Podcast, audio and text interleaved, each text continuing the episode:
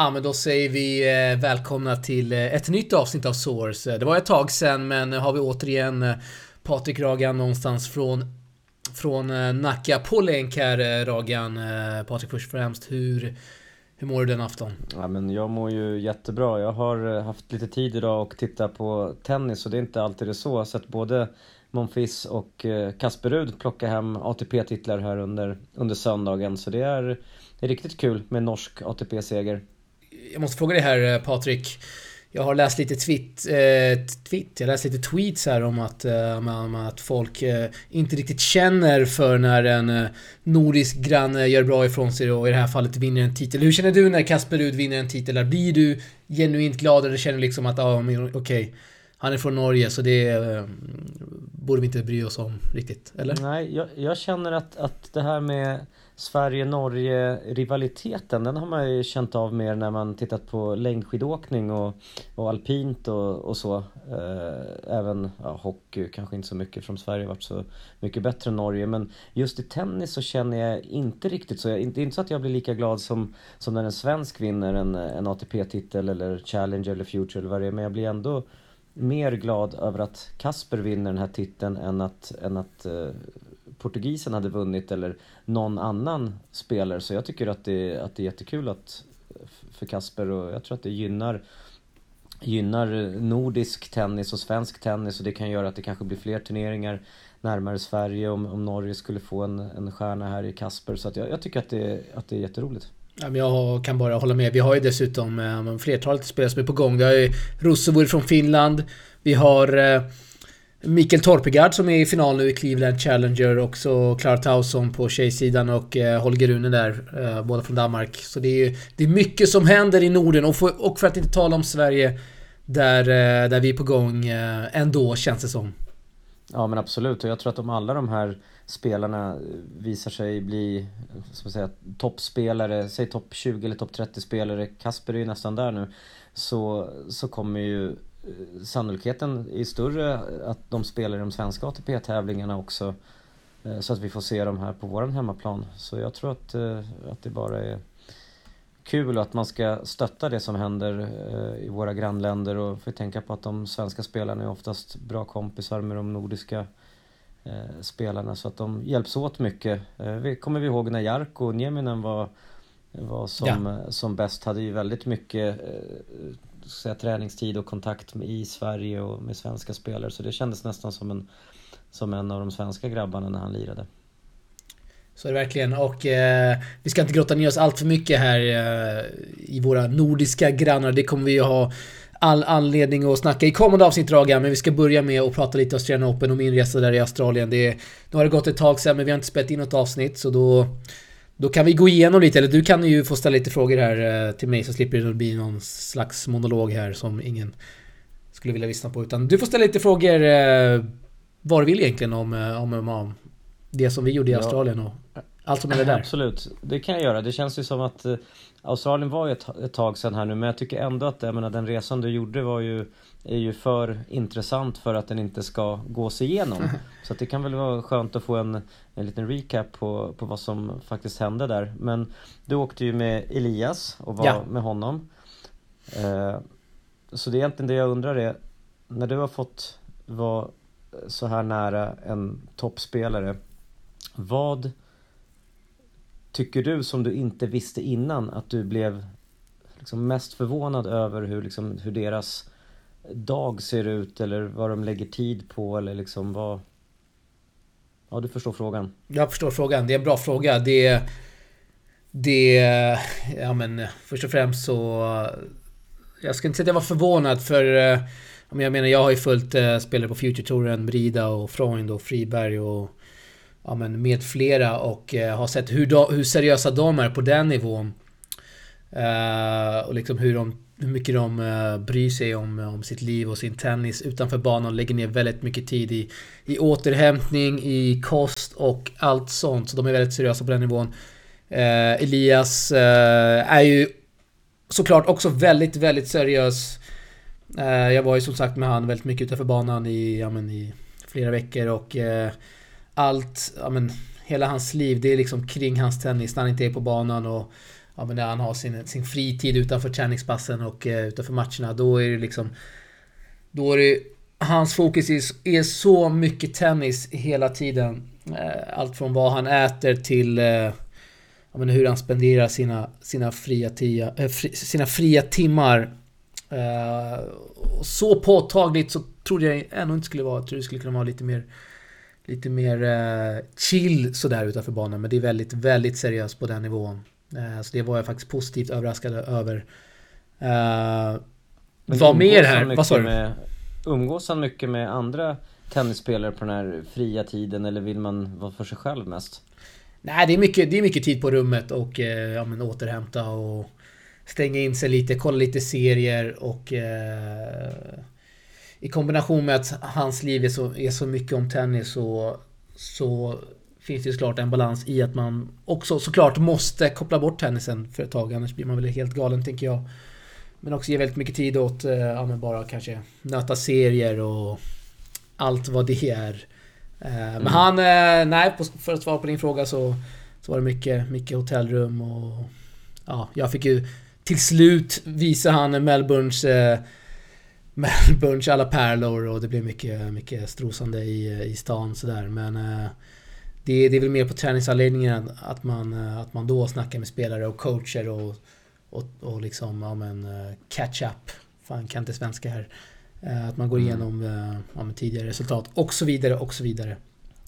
Så det var väldigt kul att följa honom på nära håll, måste jag säga. Det, man får en helt annan inblick i, i hans liv såklart. Uh, och uh, saker som jag tar med mig kanske till hur jag, hur jag kommer rapportera kring vissa saker här framöver som jag inte visste tidigare. Så det var en jävla, jävla rolig tid måste jag säga. Mm. Men du, är det, det här med att... Eh, du la ut lite grann från hans träningspass också såg jag. Ja. Är det, är det hur, hur viktigt är det med vem man tränar med när man väljer val av träningspartner? Är det liksom, kan det bli en slump på vem det blir man tränar med eller eller är det att man verkligen vill träna med en viss given spelare? Eh, I vissa fall nu i, om vi snackar om Australian Open-kvalet så var det ju... Det var ju... Det var ju... Alla vill ju träna såklart och det var ju fullsmockat nästan hela tiden. Så då var det ju så att man fick lite hitting partners från kanske Tennis Australia. Eh, så det var inte alltid upp till Elias själv. Eh, och han... Ja, vissa hitting partners hade han inte, inte träffat sedan tidigare. Eh, men sen kan man ju också såklart gå i... Snacka med, med spelare som han kände och han tränade mycket med Sumit Nagal som han liksom kände sen tidigare och vet vad han, eh, vad han är för en spelartyp och... Och eh, roligt att du säger där om man kan välja vem man vill träna med. Så fick jag ju frågan om att han skulle bolla in med Ivo Karlovic en dag. Då sa han nej. För att, ja men... Som alla kanske vet så är Ivo Karlovic inte den vassaste från baslinjen. Eh, och det var en dag där Elias känner att han, uh, han behöver träna mycket. Få in, uh, få in slagen och allt vad det är. Och då, då kanske inte det är Ivo Karlovic vad man vill grinda med. Så, så i vissa fall så får man ju veta vem, vem som, som har signat upp sig. Det måste vara svårt för Ivo att hitta någon att träna med för att jag kan tänka mig att många resonerar på liknande sätt. ja, det, så är det verkligen. Jag såg att Djokovic fick Fick sparra med, eh, med Ivo. Eh, var det kanske inför hans match mot... Säga fel här. Mot Raonic var det ja. Precis, en annan storservare. Då, då var Ivo Karlovic kvar på anläggningen och eh, Djokovic, ja, ville ju ha någon som kunde serva i 2.30 liksom. Så då, då passade det väl att ta in Ivo. Mm. Där. Men du Elias, som, han hade ju ingen coach med sig och så. Nej. Hur, hur när man får reda på vem man ska möta, hur går man tillväga sen? Sitter man själv och kollar YouTube och scoutar eller hör man med andra spelare eller? Det är precis så. Man kollar hur blir den förberedelsen? Ja, man, det är precis som man kollar mycket YouTube. Man, eh, man hör av sig med tidigare spelare. Vad, vad de har sett, vad de vet om den specifika spelaren. Man, eh, man, man kanske går in på tidigare Challenger streams och ser lite lite längre sammanhang istället för att kolla på ett highlights-paket som kanske inte visar allt. Så kanske man går in på en Challenger stream och Kolla lite vart spelaren servar, hur den returnerar och ja, men eh, hur, hur man bygger upp vissa poäng och spelmönster och allt sånt. Så det är klart att man inte lämnar några just på den här nivån att man inte lämnar några saker till slumpen utan att man är väldigt, väldigt väl förberedd. Och sen är det såklart enklare om man har en coach då. Eh, som kan göra de här sakerna för en. Där sätts min mobil igång. Där eh, coachen kan göra saker för en men... Eh, sånt där tar ju såklart mycket tid. Men det är ju någonting man måste göra själv om man inte har en, har en coach. Så det blir ju det blir mycket tittande. Att det är otroligt mycket tid man får lägga ner själv på det där och istället för en coach som kollar och sen sammanställer liksom sin uppfattning. Så är det verkligen. Och jag vill bara tillägga att jag tror inte det är ett problem för Elias i och med att han var väldigt, väldigt tennisintresserad. Kollade på eh, extremt mycket tennisklipp på, på YouTube och i mobilen, mellan träningar, mellan matcher. Det kunde vara allt att han kollade på gamla klipp på Robin Söderling, hur han spelade, till att han kollade på sina tidigare matcher eh, från tidigare år och ja, men hur han spelade då. Så det var ju, han kollade ju på väldigt, väldigt mycket tennis och det var också en sak som jag inte alls trodde om honom på förhand i och med att jag inte kände honom så bra. Eh, så han kollar ju på extremt mycket tennis mellan eh, passen och det, det gillar man ju själv eh, som tennisälskare. Ja, samtidigt kanske man behöver tid ifrån tennisen och det, det, får man egentligen inte när man är på turneringar utan den försöker man ta eh, i sin mellanperiod. Eller den tiden kanske han har haft i och med att han har varit lite skadad och, och borta och är det nu igen då.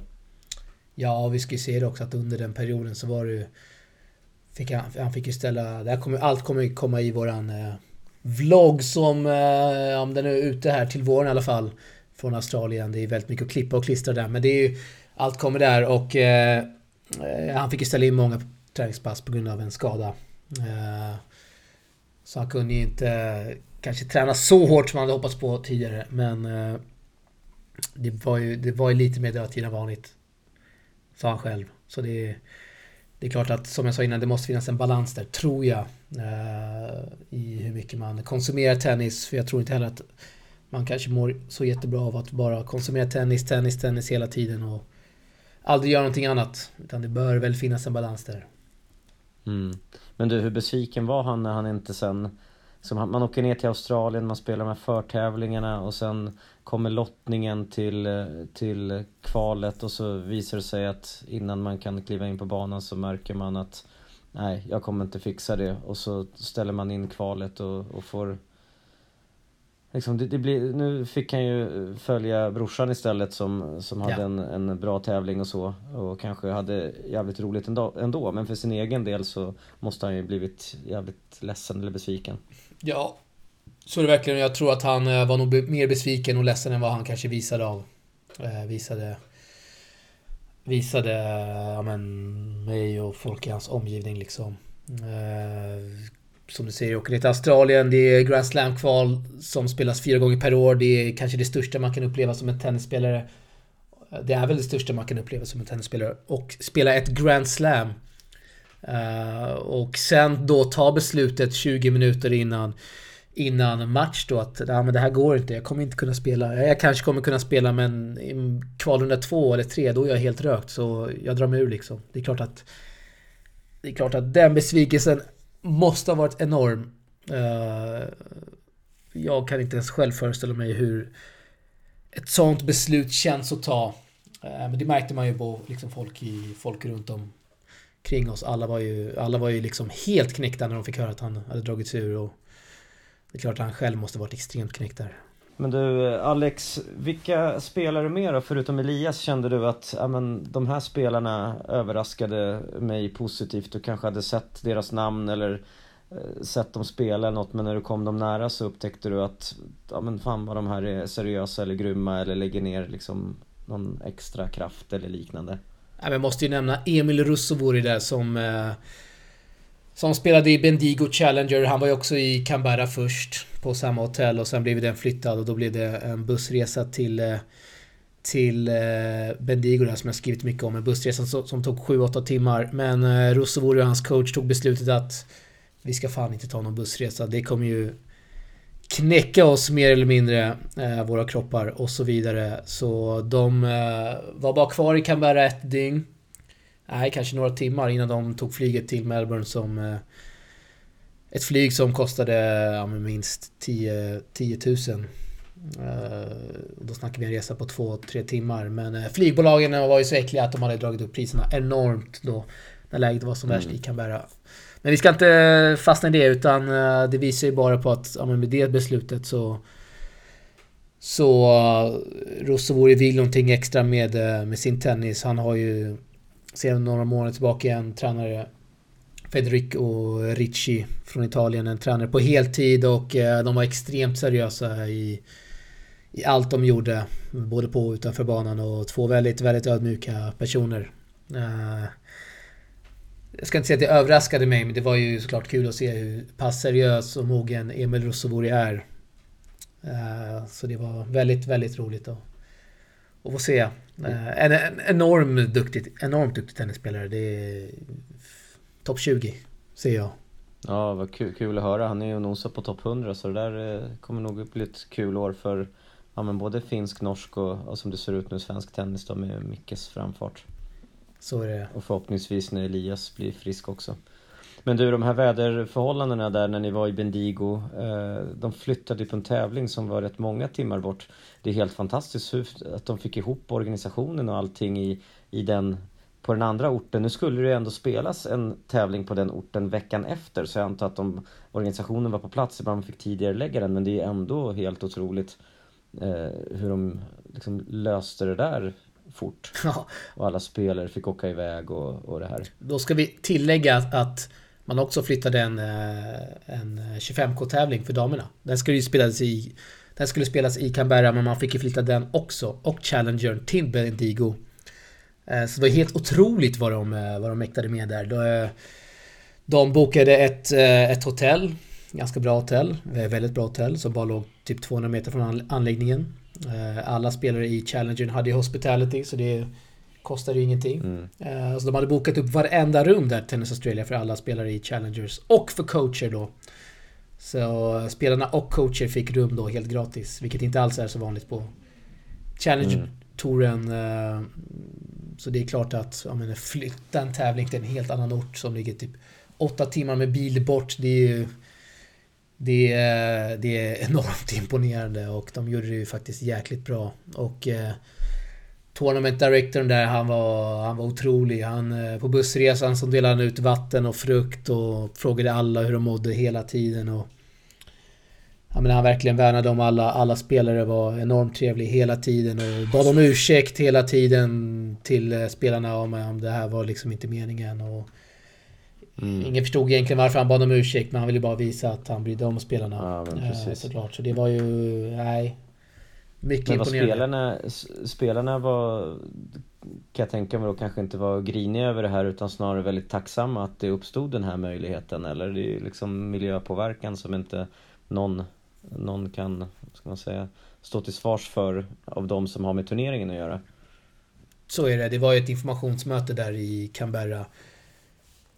Samma morgon som de hade mejlat att tävlingen skulle bli flyttad till Medigo. Då var det väl några frågor där som kanske, du kanske var lite sura miner på det mötet från vissa spelare men eh, när de väl förklarade hur läget, hur pass illa läget var då förstod väl alla att det här det är klart som fan att vi inte ska spela tennis här i Cabrera när det är när det är liksom ett läge där folk inte ens får gå ut.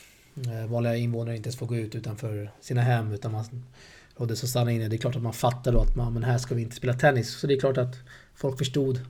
Och eh, det blev ju bra till slut. Så det, de gjorde ju ett jäkla hästjobb där borta. Mm. Men hur kändes det för dig? Var du rädd någon gång? Eller det måste ju varit en väldigt uh, märklig situation. Nej, jag skulle inte säga att jag var rädd. Det var ju såklart väldigt märkligt när, man, när vi landade i, i Canberra. Man kollade ut och landningen, det gick inte ens att se vart landningsbanan var. All cred mm. till piloten där, vilken hjälte. Och sen när man landade så var det ju, det stank ju rök i hela stan. Så det är ju... Rädd skulle jag inte säga, men det var en väldigt märklig situation där.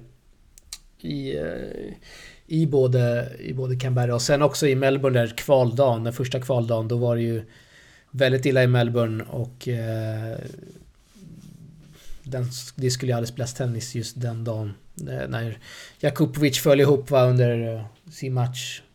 Hon kunde ju knappt andas och allt vad det var. Så det var ju...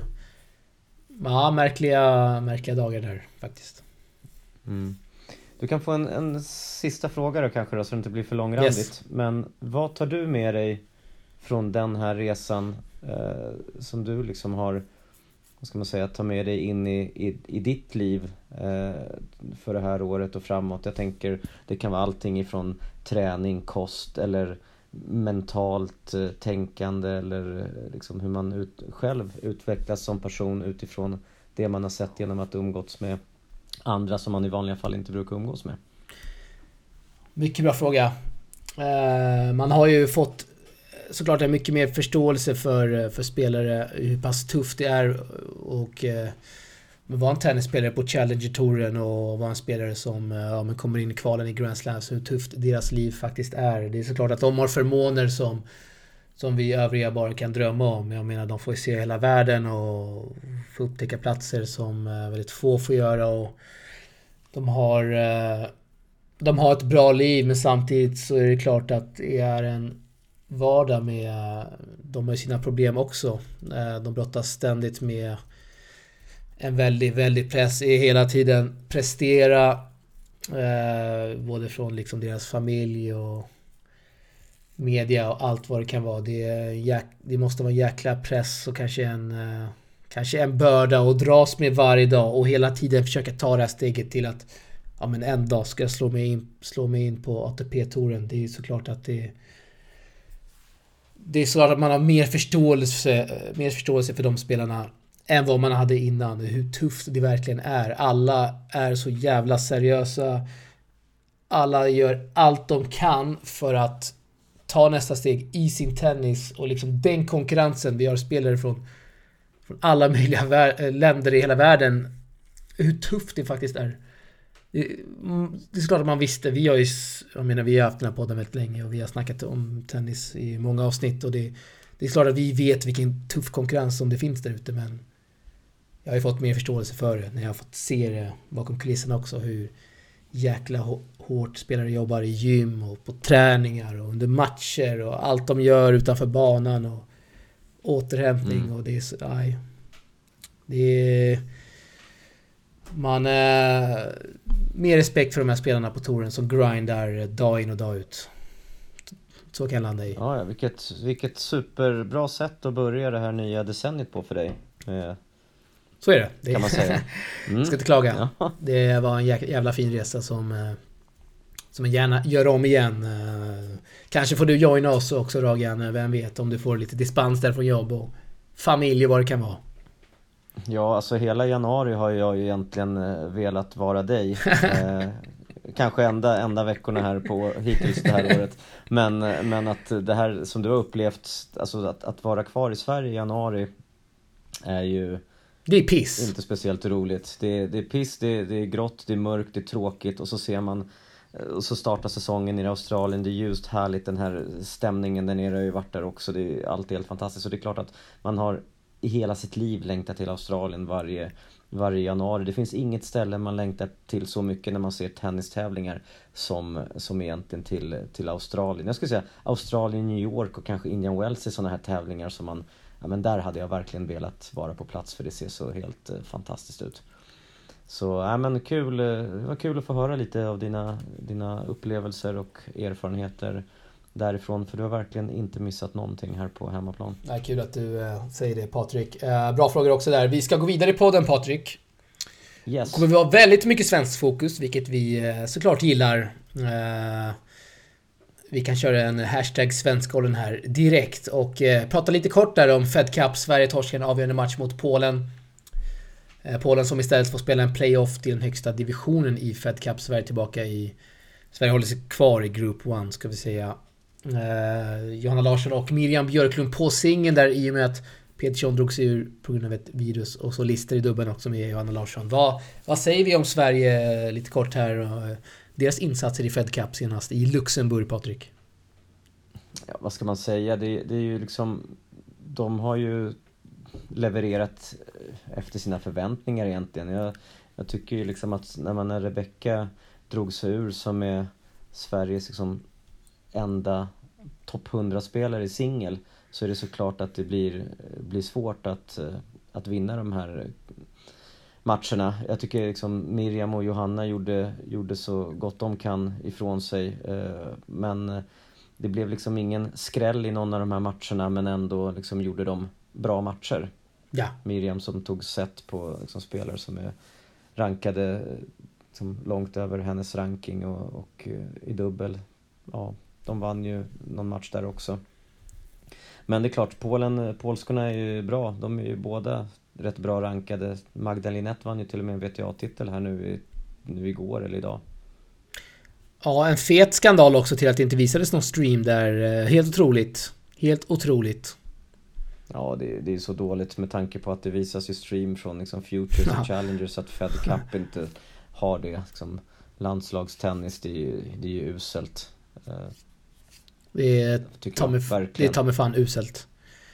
Ja. Uh, och nu, uh, nu uh, återgår nu, nu är det ett år då till Sverige får spela Fed Cup nästa gång. Tungt där för Enneberg och Arvidsson i, och Strandlund i teamet med flera som nu måste vänta ett år då på nästa...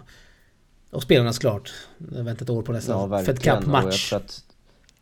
Och det ser jag ju verkligen fram emot för kommer Rebecca fortsätta leverera, Cornelia Lister i dubben, eh, Miriam som bara kommer bli bättre och bättre och, och Johanna som fortfarande eh, spelar liksom bra som hon visade i Australian Open, hade sina dippar förra året men kanske hittar tillbaks igen i år. Så jag tror det är väldigt spännande tid framöver för, för det svenska Fed Cup-landslaget. Ja, det får vi onekligen se. Alltså har vi spelat som underifrån där eh, i form av eh, Kajsa Enneman och Julia Löfqvist och... Ja men det ja, osar ju framgång för Sveriges Fed Cup i framtiden Patrik. Verkligen. Uh, vi ska på det ämnet snacka lite DC också. Sverige möter ju Chile. Uh, är det 6-7 mars va? I Kungliga?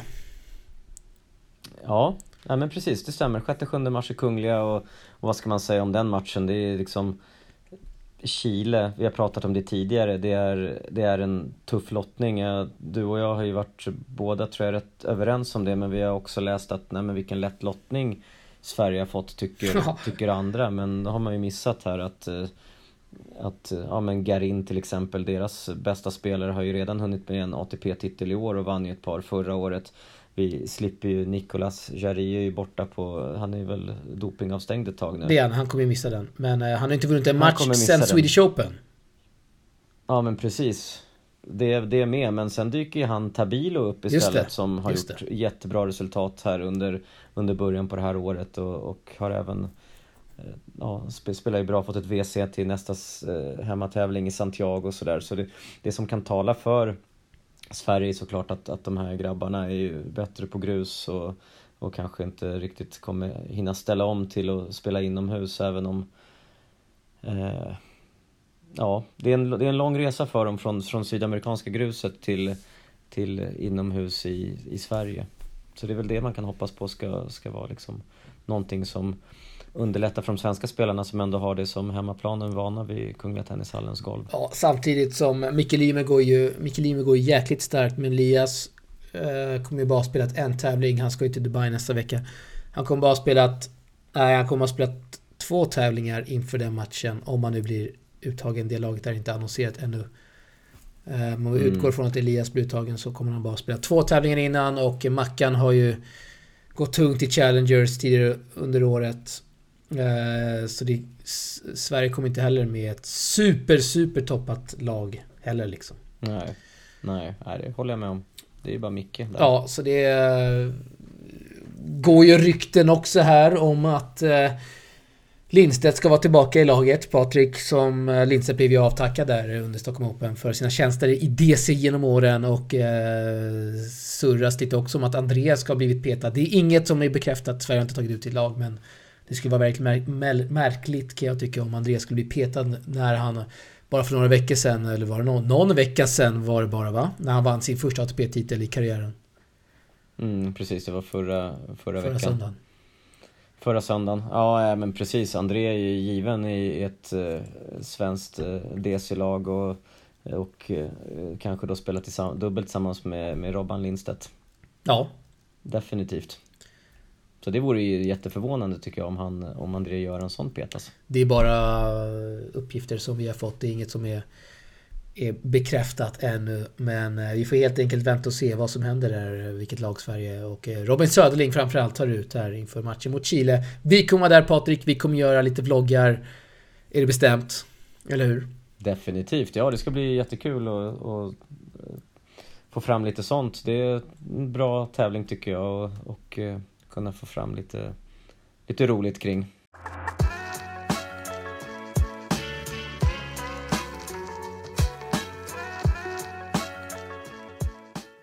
Svensknytt återigen. Det är Rebecka Petersson som avbryter sitt samarbete med Thomas Högstedt.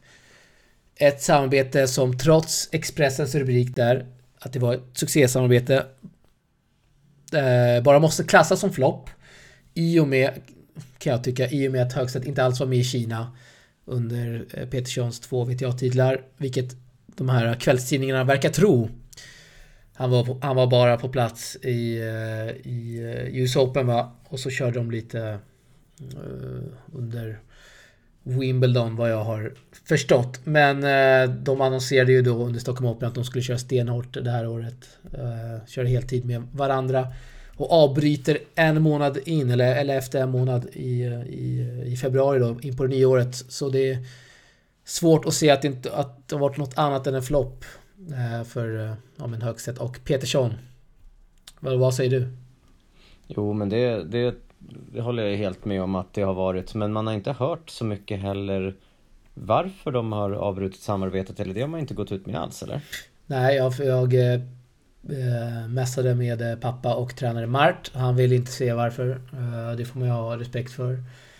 Jag har... Eh... Samtidigt blir det så mycket spekulationer istället. När man, alltså, jag, jag, kan ju tycka att det är bättre att vara ärlig och säga varför istället för det här eh, liksom, kanske lite svenska och, och eh, ducka och, och hoppas att, liksom, att det blåser över men kanske det är alltid bättre att gå och säga men vi tyckte att det var på det här sättet och därav så väljer vi att göra så. Så slipper man alla de här spekulationerna som, som det surras överallt om. Så, så är det verkligen. Jag kan tycka att tennisen kanske bör vara... Vi kanske är lite efter där. Jämför man med fotbollen så tycker jag det är mycket mer öppnare medialt. Ja, det är framförallt allsvenskan där man är väldigt öppna och mot medier och så vidare och så vidare. Nu ska jag inte dra ner tennisen helt här och hållet men jag kan tycka att det finns såklart förbättringspotential där. Eh, så vi får helt enkelt kämpa på och uh, göra vad vi kan för att få ut kanske kommentarer. För jag tror det hade varit väldigt, väldigt, väldigt intressant att höra vad som gick snett där egentligen. För det är såklart att någonting har gått snett. Uh, man har bytt ett samarbete en månad in på det nya året. När man då skulle göra en hel mm. satsning heltidssatsning. Petersson bytte till Head. Nu är hon tillbaka med Babolat som vi har sett på klipp. Eh, så mm. det är mm. klart att hon har gått all in eh, och hade alla förhoppningar om att det här skulle bli jäkligt, jäkligt bra. Thomas Högstedt som är ett eh, högaktat namn på touren har haft väldigt stora spelare tidigare. Och så vidare. Vi vet allt det där. Så det är klart att det här är en flopp. Mm. Ja, ja. ja, men precis. Men eh, hon har gått bra med pappa Mart. Jag menar, han har ju byggt upp henne och hela hennes karriär mm. eh, tillsammans med coacher där i Järfälla Tennissällskap. Uh, och Marta har ju varit med hela vägen och var ju med också när hon tog sina två första WTA-titlar. Så det... Hon kommer ju fortsätta med Mart liksom. Så det är... Det är inget som säger att det inte kommer gå bra för henne nu. Uh, så vi har ju... Nej men precis. Det, kanske de hittar några nya vägar och kanske ändå fått liksom av dem, uh, det halvåret de hann jobba ihop så kanske de har fått lite grann i alla fall ta med sig det som har varit bra ur det samarbetet. Det eh, finns ju säkert eh, några sådana punkter också.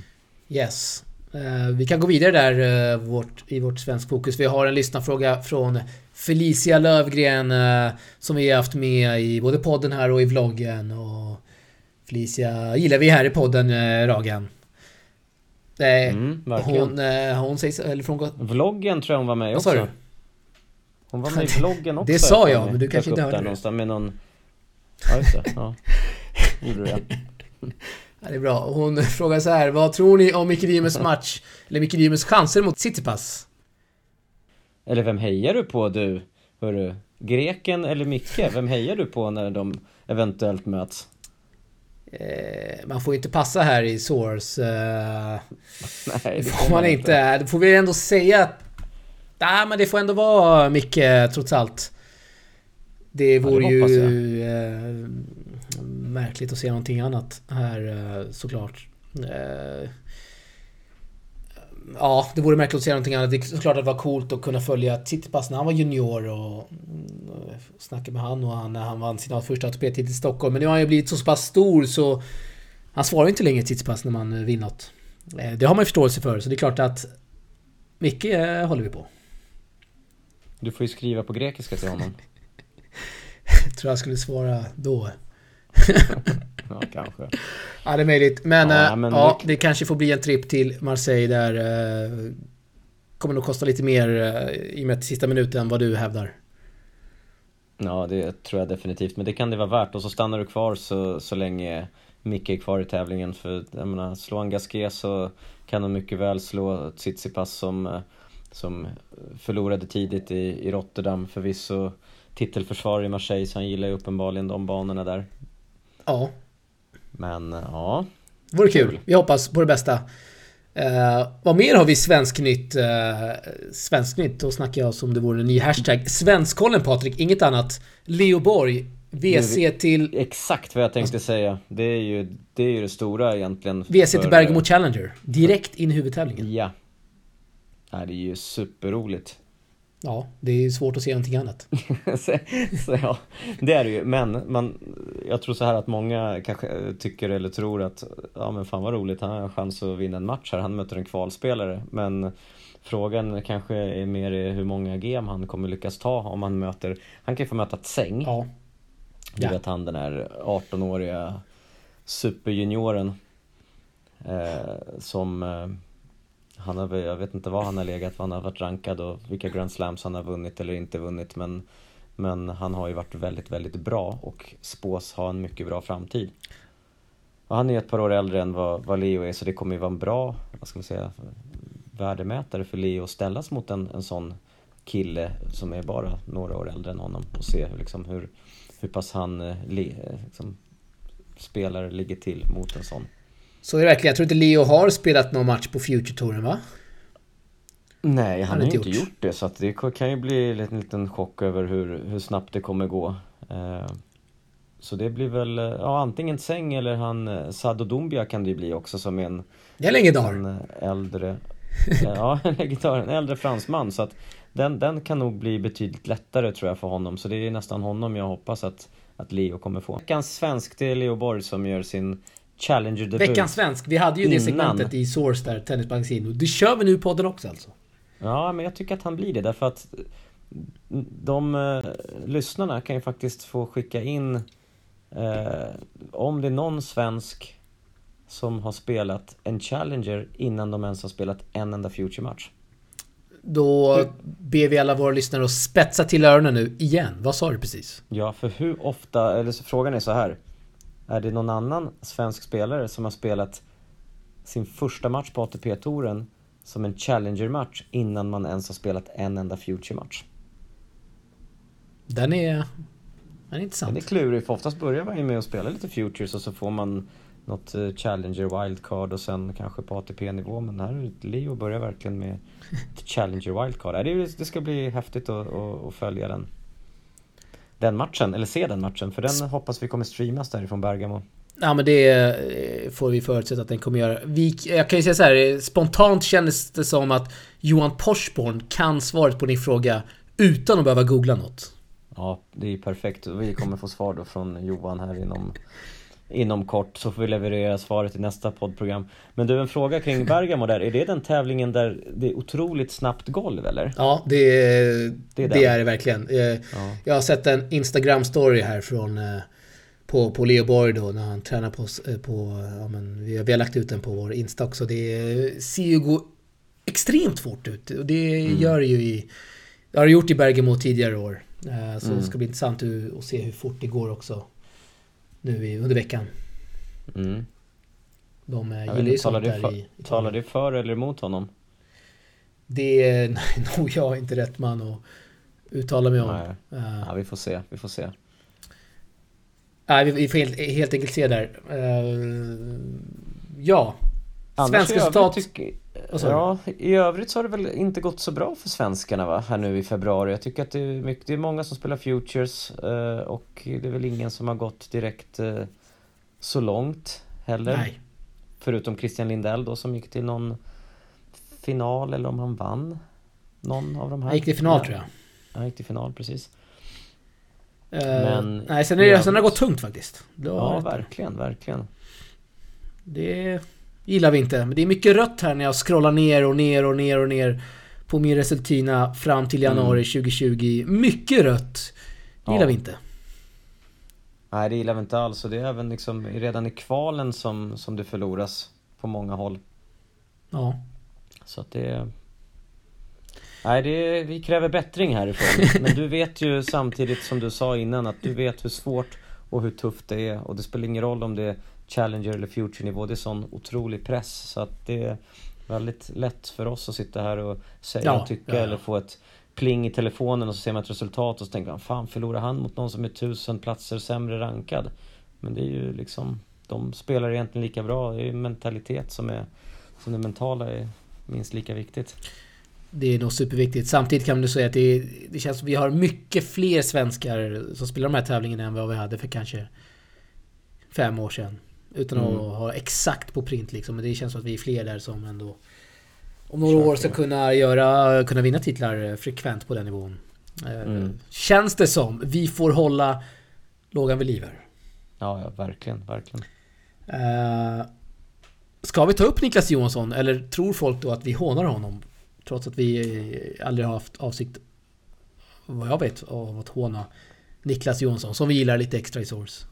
Ja men det gör vi ju. Och, och det är ju sen gammalt. Och eh, vi kan absolut ta upp Niklas. Vi har ju tagit upp eh, en massa andra. Det skulle nästan vara konstigt att utelämna Niklas men Nik Faktiskt, jag menar innan du fortsätter så måste jag bara säga att ja, men Niklas är jag tror inte vi har en svensk motsvarighet i, eh, i svensk tennis som, eh, som reser till Egypten och det är Guam och det är Uganda och vi har snackat om det här hundra gånger.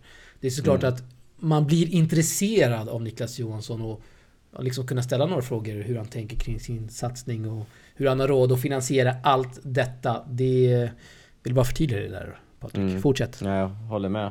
Och, eh, och Niklas har ju haft en lika tuff start på året som, som många andra svenskar. Tyvärr, med, med alldeles eh, för många förluster och, och, det visar ju ännu mer liksom man, man har kraft att åka runt och, och kämpa trots, trots flera förluster i rad. Och det, det spelar ingen roll om det är Niklas Johansson eller någon annan. Det finns, vi har ju sett liksom, på ATP-touren är det ju spelare som kan ha förlorat 10 matcher i första omgången i rad och sen, och sen lyckades de liksom vinna en match liksom, som är match 11. Så att oavsett liksom, nivå så, så måste det vara otroligt tufft att att ta sig ur de här svackorna. Skillnaden är ju att på ATP-nivå så har du ändå råd att åka runt och du bor fint och det, du får allting serverat. På Future-nivå så får ju alla liksom stå för sin egna ekonomi och sina egna bokningar och allting. Så det är ju liksom, det är så mycket tuffare.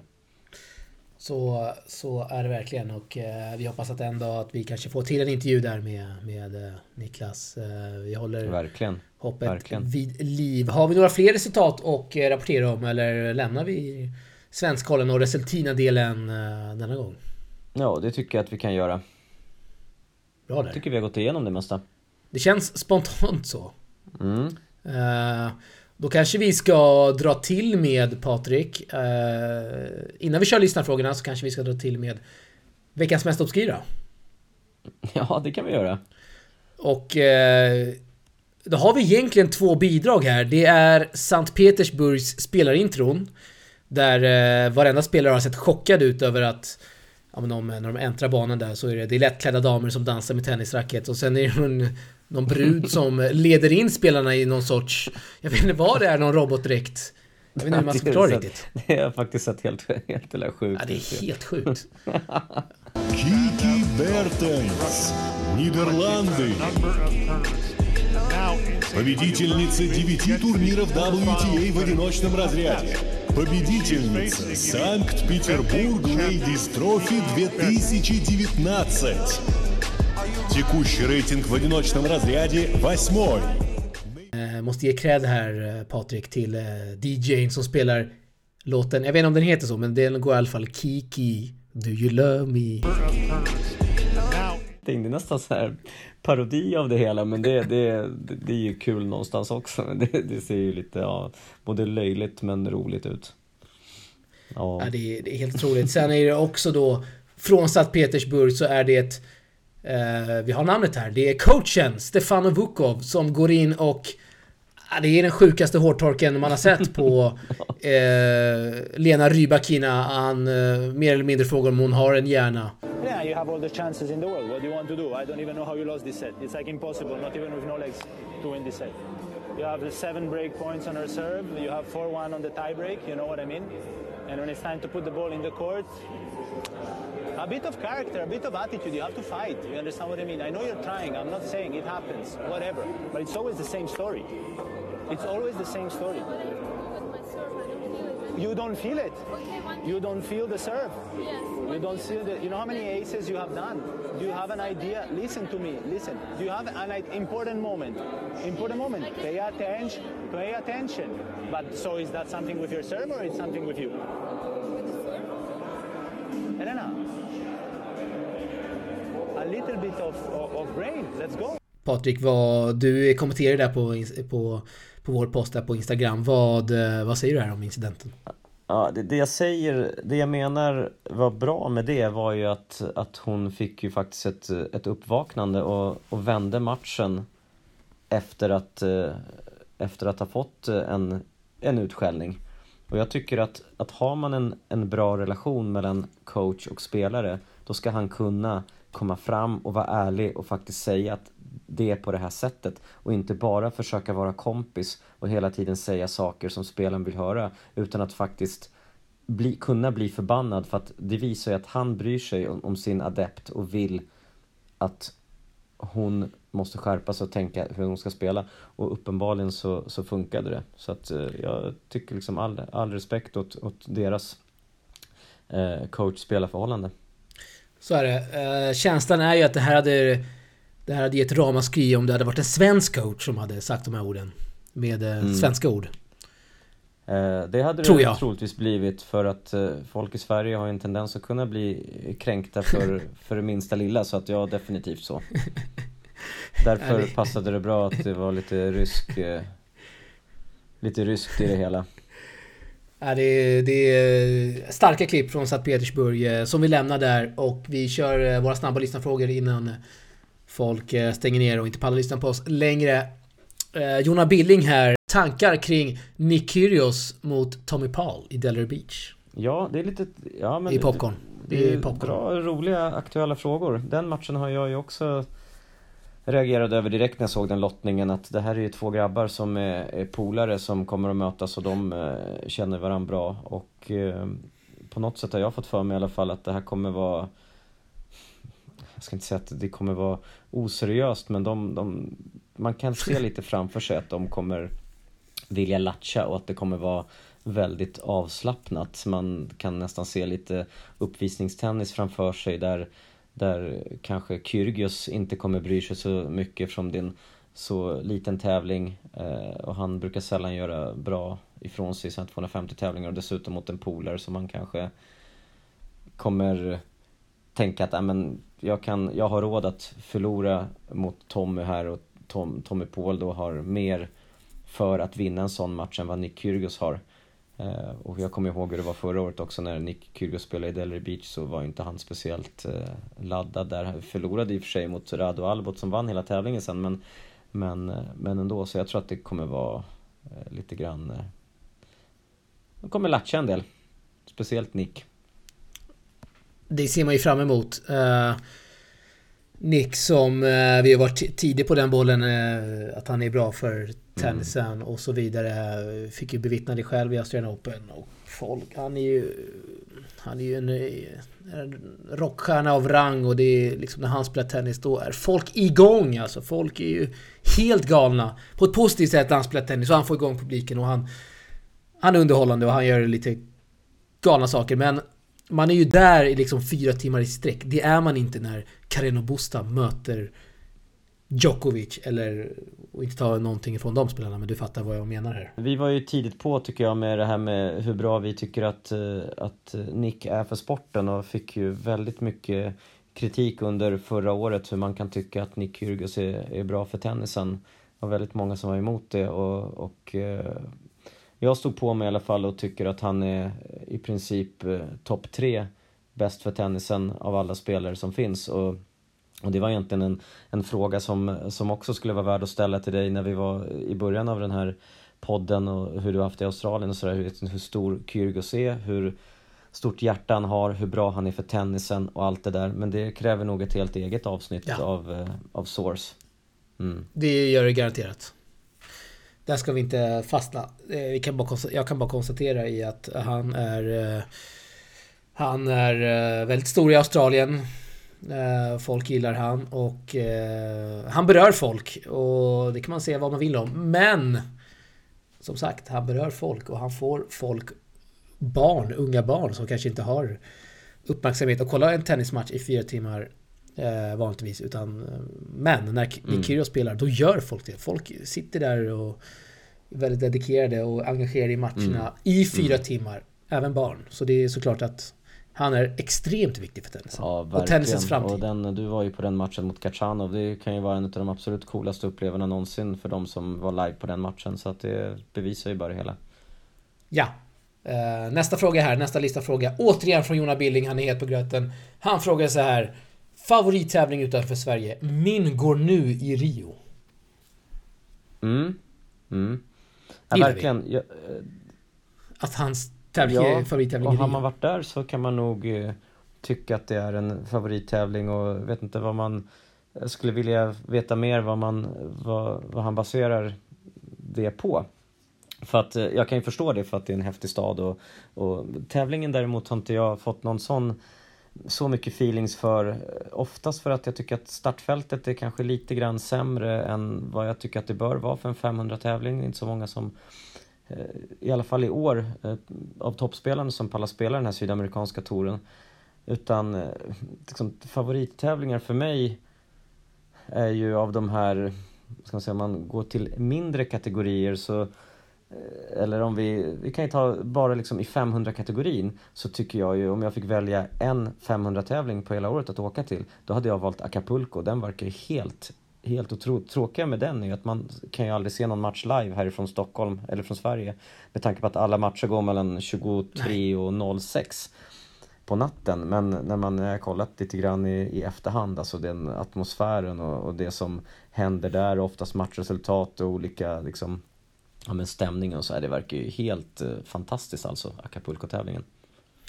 Ja, eh, Lister där bekräftade under vår podd senast att eh, det är mycket, en mycket fin tävling. Bekräftade också att Kyrgios var ute och festade varje natt, vilket han har själv också bekräftat. Kyrgios. Ja, och han vann ju den tävlingen så att... Han vann ju den också mm. ja. Slog ju Nadal och Zverev, han slog rätt många bra spelare. Eh, Wawrinka också den veckan så att... Ja, och den tävlingen är, går ju nästa vecka.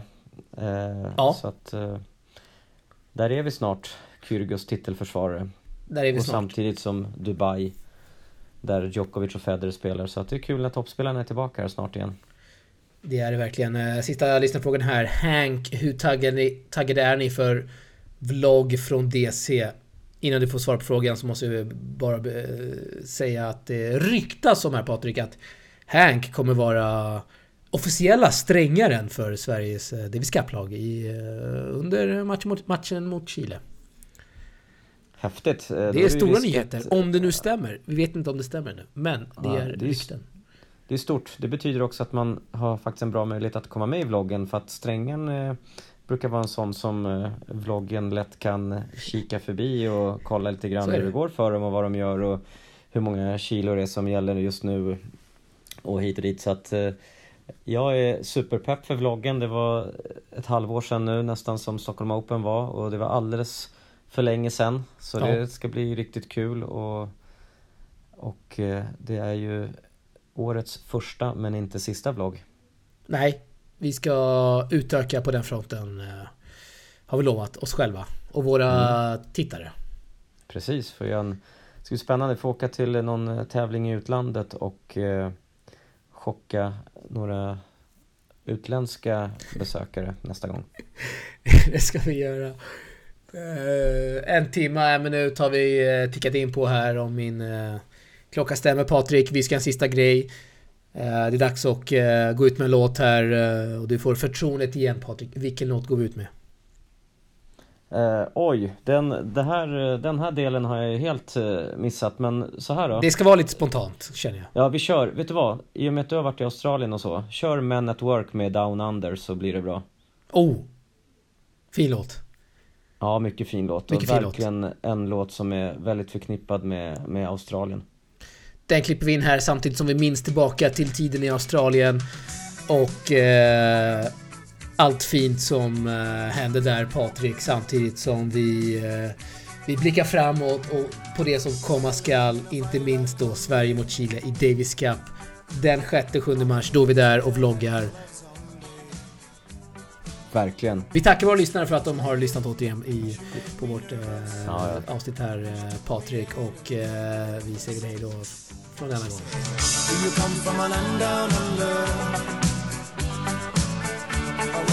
oh.